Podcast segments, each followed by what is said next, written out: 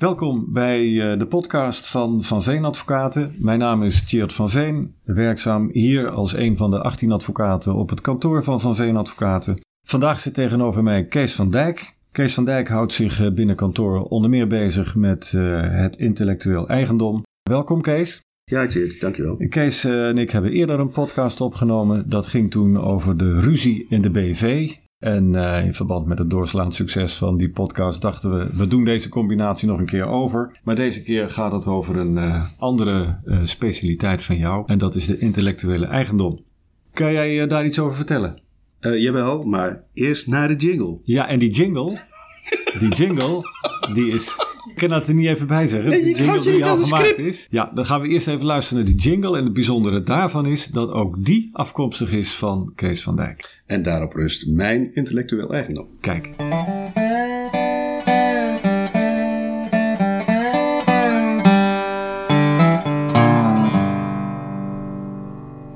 Gaan het dus hebben over de intellectuele eigendom. Uh, Kees, kun je eerst even uitleggen wat dat eigenlijk behelst? intellectuele eigendom zijn rechten op scheppingen van de geest. Dat klinkt heel erg mooi en heel erg abstract, maar het gaat er gewoon om dat wat je bedenkt, dat kan van jou zijn. En normaal is eigendom betrekkelijk op bijvoorbeeld uh, onroerende goederen of roerende goederen, op vorderingen, noem maar op. Maar uh, ook op uitwerkingen van ideeën en in sommige gevallen op ideeën. Om over die ideeën te beginnen, technische ideeën die nieuw zijn, en die aan een zekere mate van inventiviteit voldoen, daar kun je een octrooi op vragen. En op het moment dat je dat octrooi verkrijgt, kun je anderen beletten om van dat idee in de praktijk gebruik te maken. Dat klinkt eenvoudig, maar octrooirecht is een zeer complex rechtgebied, of rechtsgebied waar je ook bijstand nodig hebt van zogenaamde octrooigemachtigden, die de uh, omschrijving van het octrooi kunnen opstellen bij aanvragen van het octrooi, of die de omschrijving van het octrooi kunnen beoordelen in geval van inbreuk. In zijn algemeenheid is dat de enige manier om een idee, een technisch idee te beschermen. Omdat... Dat dan op voor alle ideeën die je, die je zomaar kan hebben? Ik, ik, ik ben me net voor. Iets. In zijn algemeenheid geldt dat een idee vrij is. Met uitzondering van een technisch Wat bedoel je idee. daarmee? Een idee is vrij? Ideeën kun je niet monopoliseren. Je kunt de uitwerking van een idee monopoliseren. Dus ik mag hetzelfde idee hebben als jij. Ideeën zijn vrij. En dan hebben we er allebei uh, recht op een octrooi. Nee, een octrooi is, zoals ik zei, een uitzondering op die regel. Een technisch idee vastgelegd in een octrooi is beschermd. Maar stel je voor, dat is een voorbeeld uit mijn eigen praktijk. Jij en ik bedenken, of ik bedenk, een fietscafé. Dan mag jij ook een fietscafé maken, mits dat fietscafé niet lijkt op het fietscafé wat ik op basis van mijn idee heb gemaakt. Dus ik mag jouw idee niet kopiëren? Jij mag mijn idee wel kopiëren, mits in een andere uitwerking. Ja, dus als ik er een ander wiel op zet op dat fietscafé, dan is het goed? Nou, er zijn twee mogelijkheden om een dergelijk fietscafé te beschermen. Dat is via modelbescherming. Dan gaat het om het uiterlijk van het fietscafé. Of via het auteursrecht. Bij het auteursrecht gaat het om een overeenstemmende totaalindruk. Maar dit klinkt heel ingewikkeld, hè? Dan heb je een octrooirecht en dan heb je een auteursrecht. Wat ja. is nou het verschil tussen die twee dingen? Dat is, het zijn allebei rechten op voortbrengselen van jouw denkwerk. Ja. En bij een octrooi gaat het om een technische uitvinding. En een auteursrecht stond vroeger in de wet, staat nog steeds in de wet. Gaat om uh, werken van letteren, kunst en wetenschap. Maar als ik jou vertel dat op deze microfoon voor onze neus ook auteursrecht rust, dan moet je maar dat van mij aannemen, want de auteursrechtelijke drempel voor een beschermd werk is bijzonder laag. Oké, okay, dus je, je bent heel snel beschermd dan? Je bent heel snel beschermd en het mooie bij auteursrecht is dat je er niets voor hoeft te doen. Je hoeft het alleen maar te maken.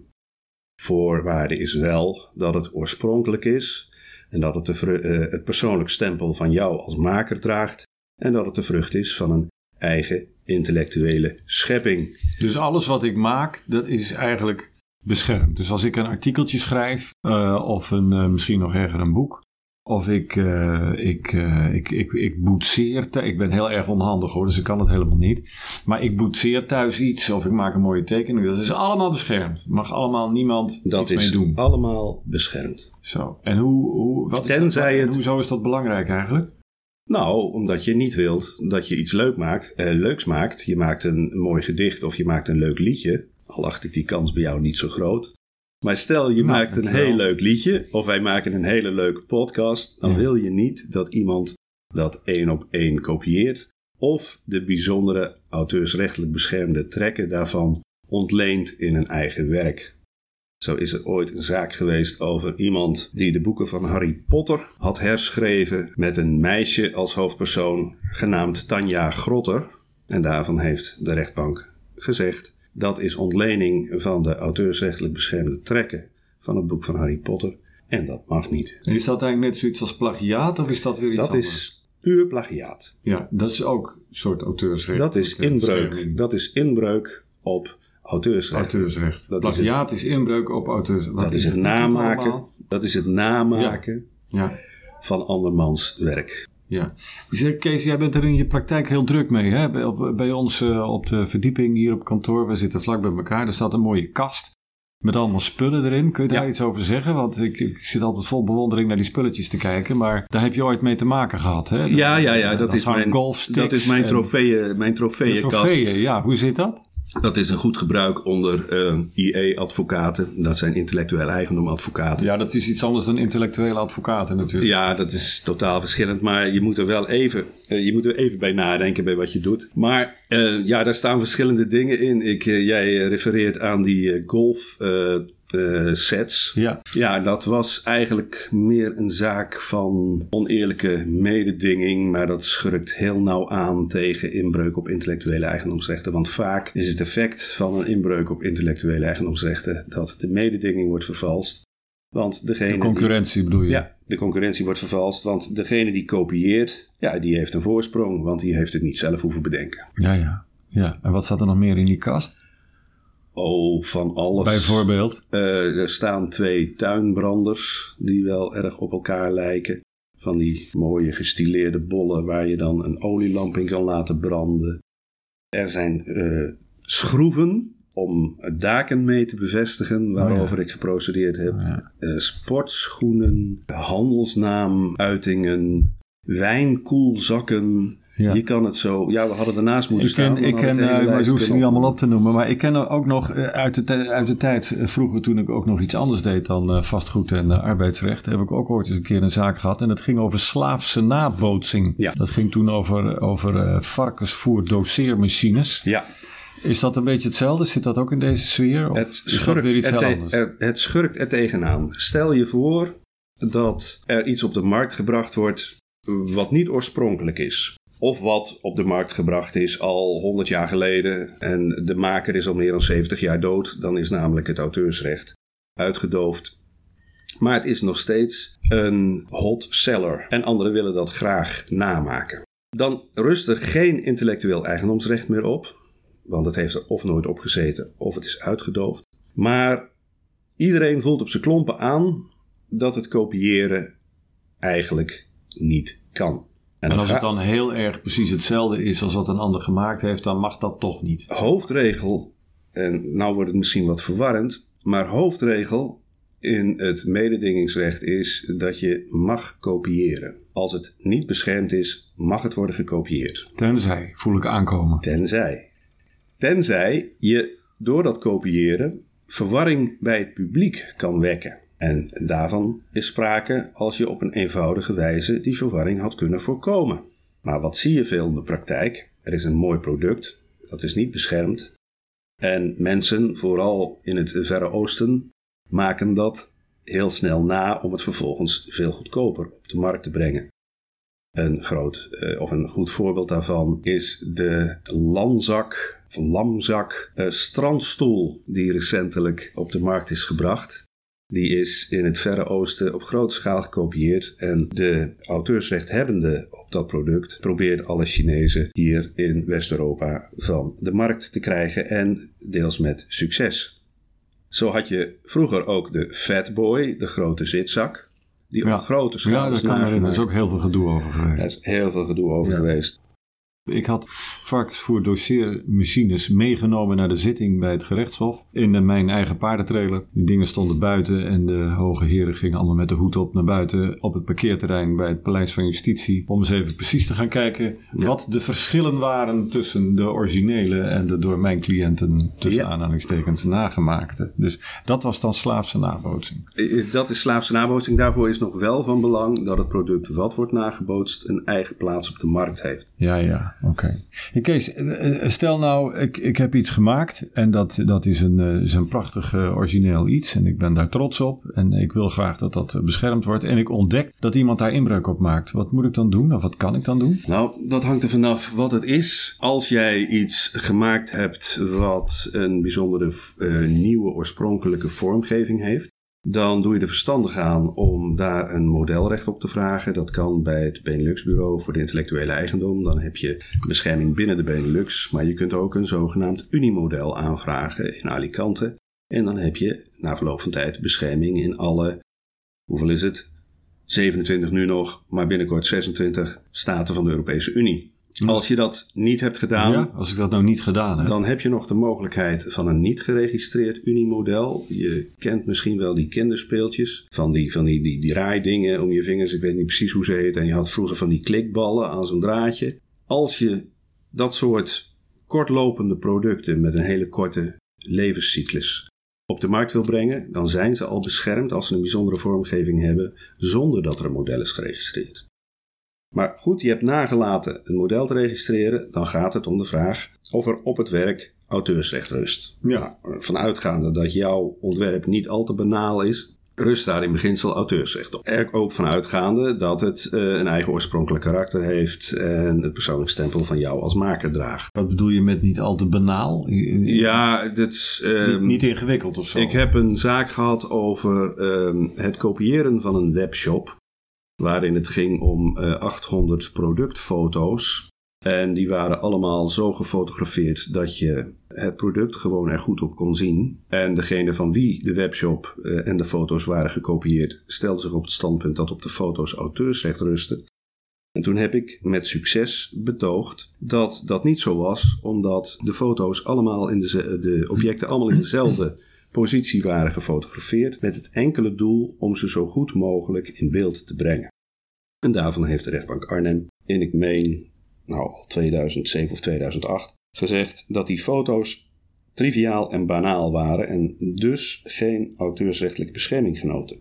Dat is een beetje een voorbeeld. Eigenlijk ook niet bijzonder genoeg, zeg. Niet bijzonder genoeg. Nee, nee. Als jij daarachter komt, dan eh, doe je er verstandig aan om wel naar een advocaat te stappen. Tenzij je heel erg veel ervaring hebt in die zaken, dan kun je het zelf gaan doen.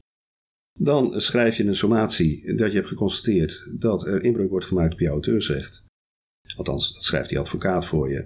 En hij vordert dat eh, de inbreuk wordt beëindigd. En hij vordert dat er eh, schade wordt vergoed. En ook, en dat is wel het interessante bij intellectueel eigendomsrecht, maar tevens ook het gevaarlijke, een volledige vergoeding van juridische kosten.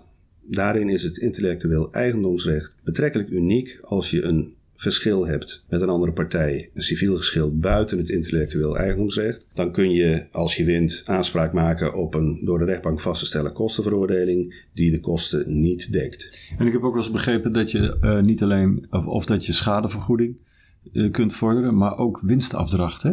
Ja, maar Wat- ik was wat- nog even niet klaar met die juridische kosten. Oh, ik praat voor mijn beurt. Je praat voor je beurt. Oké. Want in het intellectueel eigendomsrecht eh, is bepaald dat in gevallen van inbreuk alle werkelijke in redelijkheid gemaakte kosten van de andere partij door jou betaald moeten Mhm. worden Mhm. op het moment dat je verliest. Ja. Als je wint, krijg je alle door jou in werkelijkheid gemaakte kosten vergoed, tenzij de rechter ze niet redelijk vindt. Ja. En dat werd een beetje lawyers paradise, waardoor rechtbanken uiteindelijk een zogenaamd indicatietarief in IE-zaken hebben vastgesteld. En dat gaat stapsgewijs. De rechter beoordeelt als er strijd ontstaat over de hoogte van de kosten, of die kosten in redelijkheid zijn gemaakt, en dan past hij dat tarief toe. ja. Gaat dat dan weer een beetje in de richting zoals het bij andere civiele zaken gaat, dat het volgens een vast tarief gaat? de Ja, het gaat volgens een vast tarief, maar het is wel aanmerkelijk hoger dan in andere zaken. Oké. Nou hebben het net even over gehad, wat kan je nou doen als je ziet dat er inbreuk wordt gemaakt op jouw auteursrecht, op jouw intellectuele eigendom? Uh, nou stel je even voor andersom. Jij wordt beschuldigd dat jij inbreuk hebt gemaakt op de auteursrechten van een ander, de intellectuele eigendomsrechten van een ander, en je bent het daar niet mee eens. Wat dan? Nou, het, het, begint vaak met de brief die op de deurmat valt. Mhm. Van u uh, kopieert mijn product, of u kopieert mijn naam, of u verkoopt producten die u niet mag verkopen. En dan is het wel uh, raadzaam om even uh, advies in te winnen bij een IE-advocaat. Hm. Want de gevolgen kunnen ook met het oog op die proceskostenveroordeling ja. groot zijn. Ja, dan krijg je eigenlijk de vice versa situatie ja. die je net hebt uitgelegd. Hè? Ja, en een, een, advocaat onderzoekt, een goede advocaat onderzoekt dan of die rechten bestaan. En kijkt uh, naar de producten waarom het gaat. Zonder die producten kun je het bijna niet beoordelen. En gaat dan kijken of er iets aan te doen is. En in sommige gevallen is het zo duidelijk dat je maar beter direct de vlag kunt strijken Ja. om te voorkomen dat je voor hoge kosten wordt geplaatst. Hey Kees, is een leuke praktijk? Want we lopen een beetje tegen het einde van deze podcast aan. Je bent eh, Ik vind ooit, het een, eh, eh, heb je, ben je gediplomeerd merkengerechtigde of zoiets? Of Nou, nee, ja, ho, ho, ho. Ik heb een, eh, een opleiding gevolgd tot merken en modellen gemachtigde. Ja, dat, zo, dat bedoel ik, ja. En eh, ja, die heb ik met succes afgerond. En eh, sindsdien eh, hou ik mij eh, met grote regelmaat bezig met, eh, met merken. Het lijkt me heel gevarieerd. Daar hebben we het niet over gehad. Over merken. Nee. Het is ook heel boeiend als jij een onderneming hebt en je maakt een mooi product en je hangt daar een merk aan en dat is succesvol. Dan zie je heel vaak dat andere mensen aan dat merk aanhaken. Ja. Ik haak aan op de zaak eh heksenkaas en witte wieven. Wat overigens een auteursrechtszaak was, waarin is bepaald dat er geen auteursrecht op een smaak zit. Maar daar is niet iedereen het over eens. Ook weer een heel apart hoofdstuk. Dus. Ja. Heb je in zijn algemeenheid tips voor de praktijk? Dat je zegt van, goh, als je nou eh Ja, als je een, als je krijgt, een je onderneming hebt, letten. Je hebt een goed idee, kijk of het te beschermen is en bescherm het dan. Je hebt een onderneming die je gaat opzetten, daar heb je een leuke naam voor bedacht. Laat goed onderzoek doen of die naam nog vrij is. Je ziet een hele mooie website, je denkt dat kan ik ook. En je denkt ik trek hem even leeg en ik zet hem op mijn eigen eh, website. Dat is nogal riskant. Je kan dan beter wat tijd investeren in de bouw van je eigen website. Want leentje buur spelen kan in eh, het huidige tijdsgericht heel erg veel geld gaan kosten. Oké, bedankt Kees. Eh, Tot slot even een tip voor eh, de trouwe luisteraar of de nog niet trouwe luisteraar. Degene die toch trouwe luisteraar wil worden. Vergeet u niet zich te abonneren op eh, onze podcast. Bedankt voor het luisteren en tot de volgende keer.